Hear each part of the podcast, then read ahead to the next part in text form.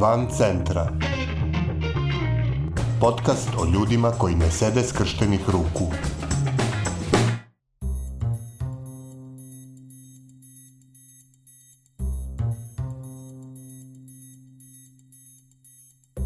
Ovo je 55. epizoda podcasta Van centra, koji prati napore ljudi iz cele Srbije da poboljšaju kvalitet života u svojim sredinama. U manjim sredinama nije lako biti drugačiji od većine, pogotovo ako se radi o nečemu što izaziva otpor ili strah okoline. To može da bude pozitivan rezultat testa na HIV, drugačija seksualna orijentacija, život i rad na ulici ili nešto drugo što stvara stigmu. Takve osobe često oklevaju da potraže zaštitu svojih prava, a neretko nisu ni informisani o tome šta im se nudi kao pomoć i podrška. Slična situacija je i u Šapcu. Ali u tom gradu se našla ekipa ljudi spremnih da pomognu ljudima iz ovih osetljivih grupa u ostvarivanju svojih osnovnih prava. Organizovani u asocijaciju Duga, svoje aktivnosti i usluge proširili su i van Šapca, na područje cele Srbije.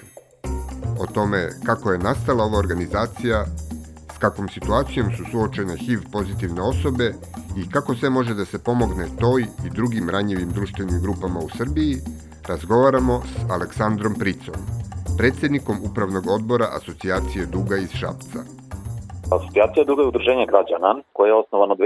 E, godine i osnovani smo na teritoriji Šapca kao prvo lokalno udruženje građana koje je počelo da se bavi problemom e, života LGBT osoba i njihovih porodica u malim sredinama i e, ideja je naravno došla od grupe LGBT osoba i naših porodica a, u stvari koje nisu imale nekih e, mogućnosti kada je, da kažem, borba za ljudska prava LGBT osoba u manjim lokalnim zajednicama. E, većina organizacija koje se bave uopšte LGBT e, problematikom su radile uglavnom samo na teritoriji Beograda i Novog Sada i e, ljudi koji pripadaju, da kažem, ovoj veoma ranjivoj populacijonoj grupi van tih velikih gradova nisu imali apsolutno nikakvu podršku.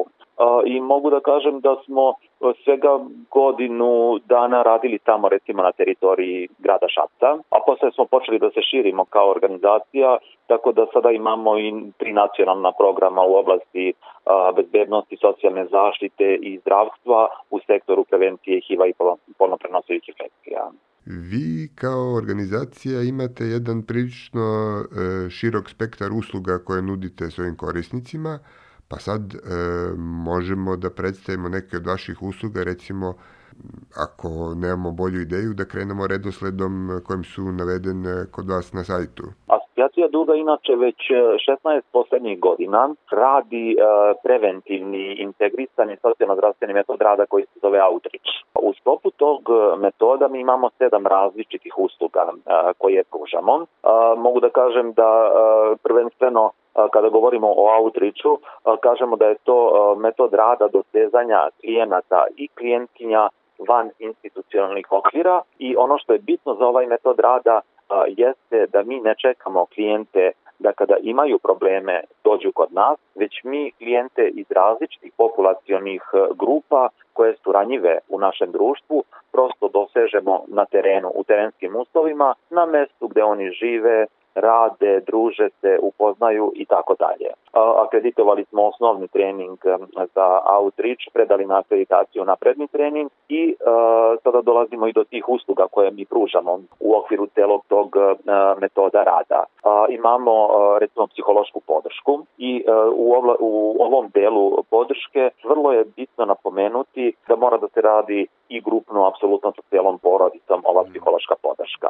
Mi recimo sada radimo sa gizom i podršku svim onim aktivistima i svim onim volonterima i volonterkama koje su radile na terenu od početka COVID-19 pandemije, tako da smo edukovali 15 psihologa i socijalnih radnika koje besplatno pružaju usluge aktivistima i volonterima tog stresa koji su pretrpeli u periodu COVID-19 e, pandemije. A, što se tiče socijalnih intervencija, to je druga usluga u okviru outreach paketa. A, socijalne intervencije pružaju samo, naravno, socijalne radnice i, i radnici.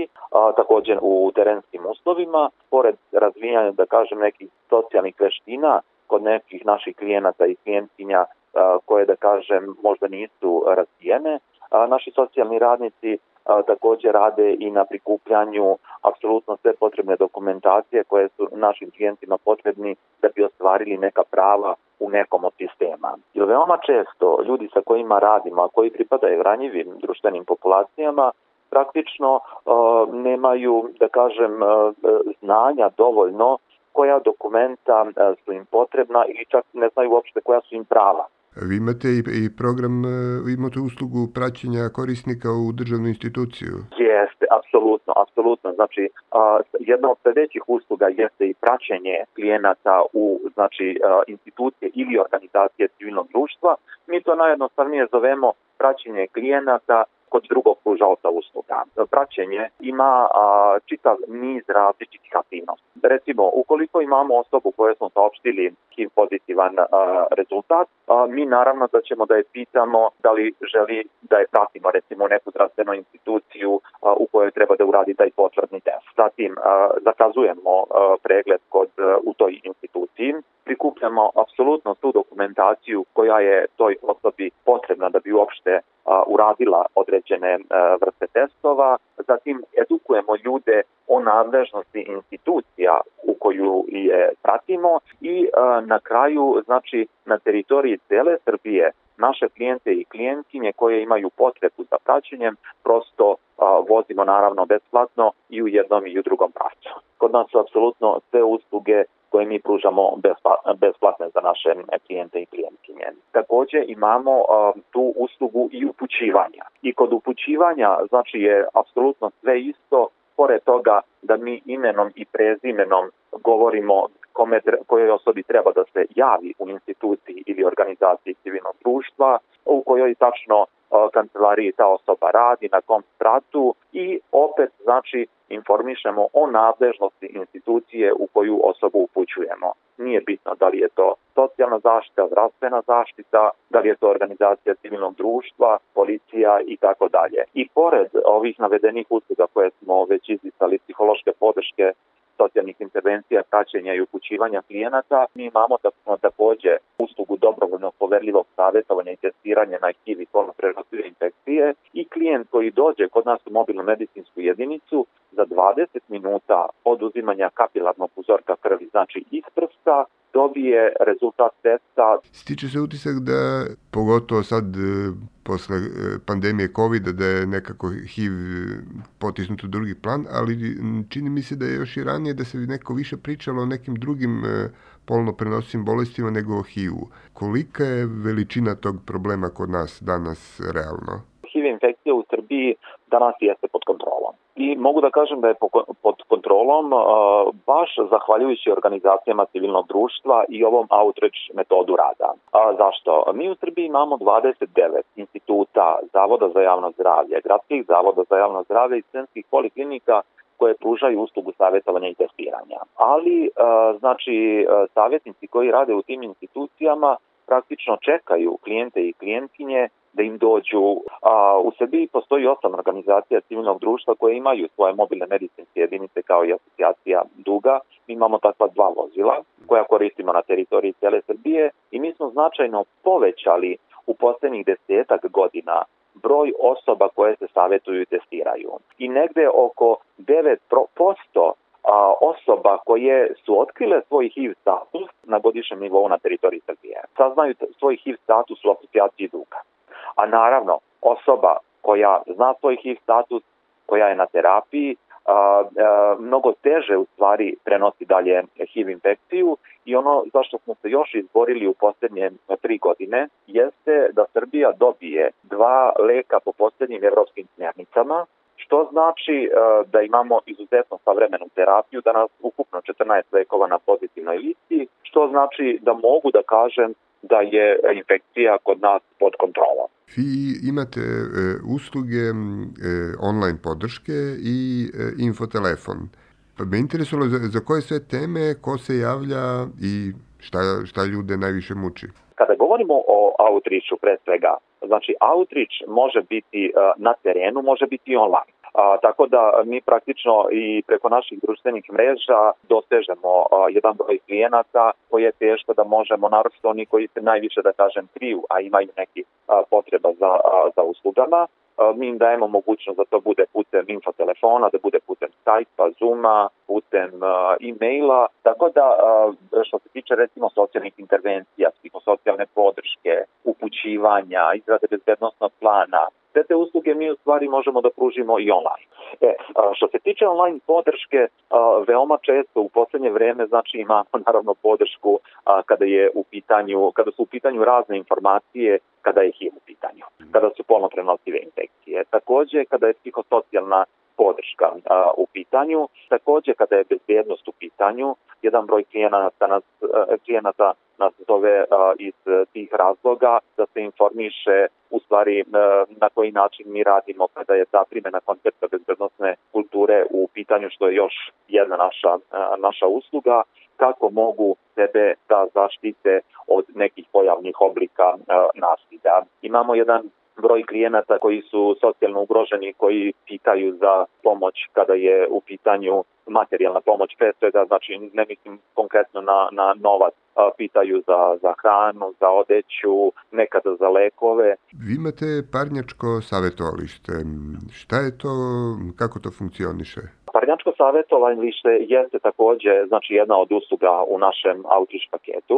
Dosta ljudi u stvari ne zna da postoji razlika između vršnjačkog i parnjačkog savjetovališta. A, vršnjačko možemo da kažemo da je na nivou godina, a parnjačko kao par jeste na osnovu nekog ličnog svojstva.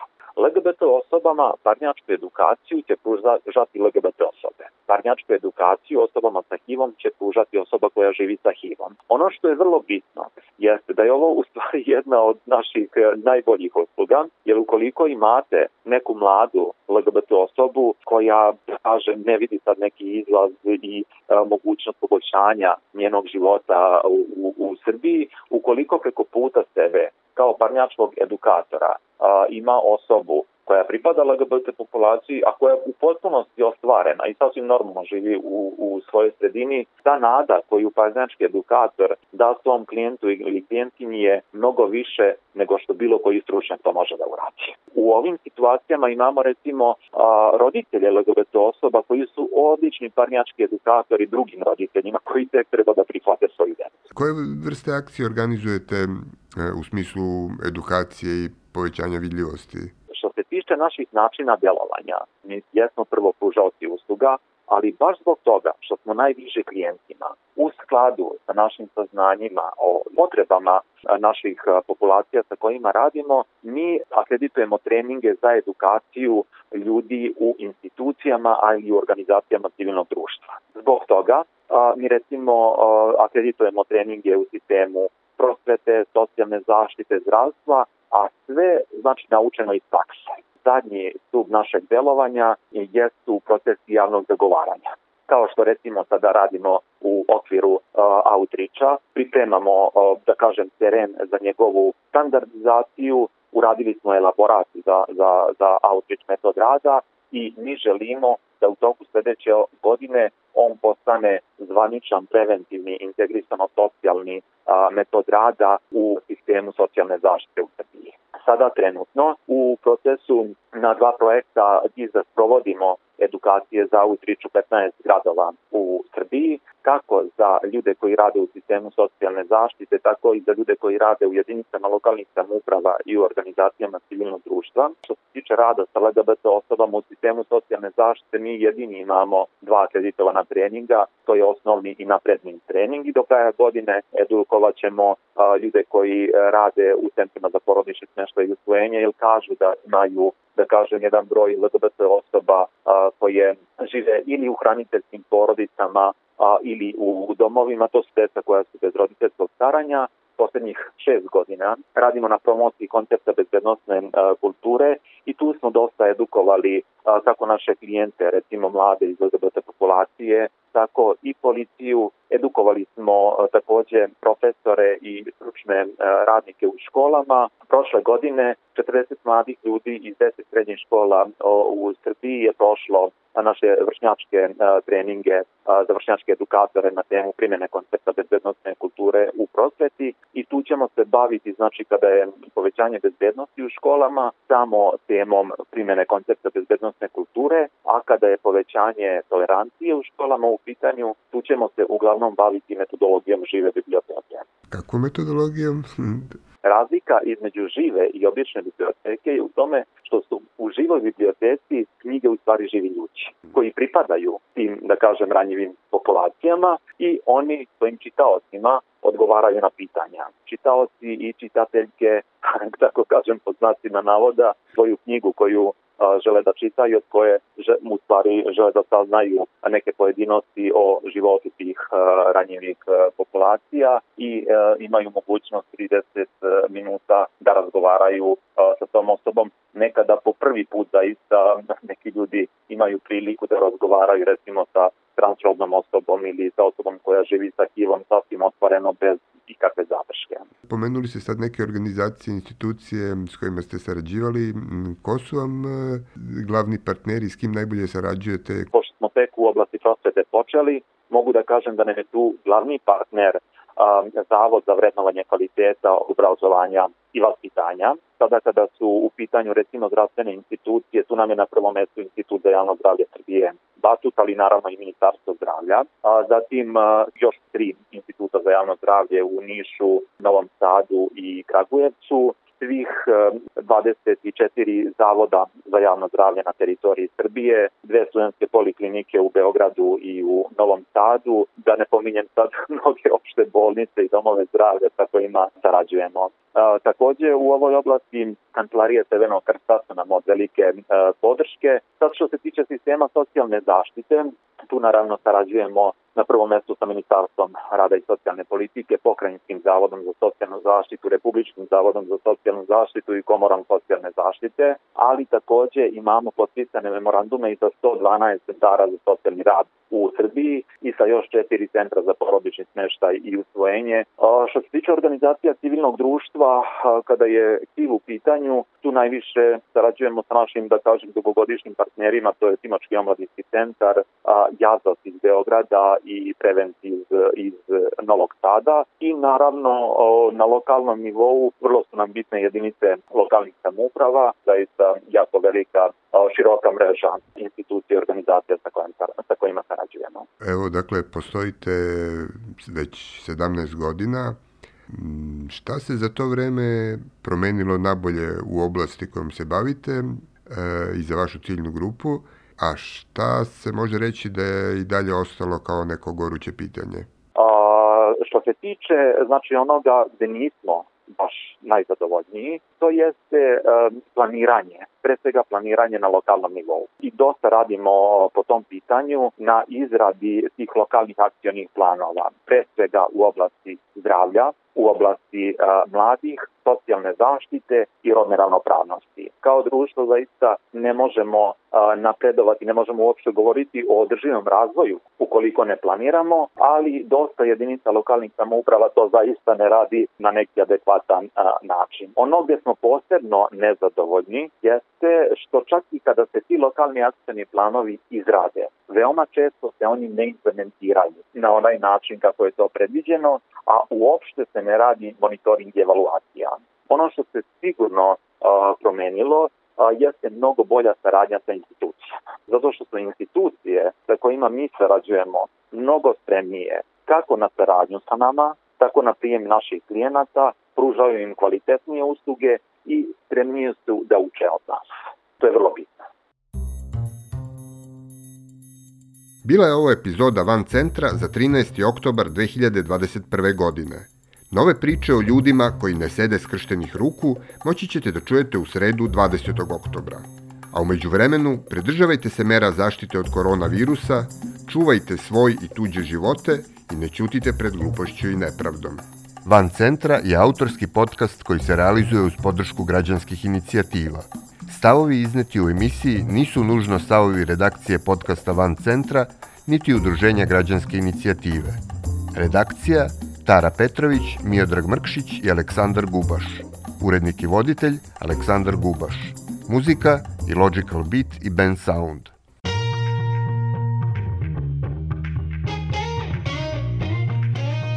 Van centra. Podcast o ljudima koji ne sede skrštenih ruku.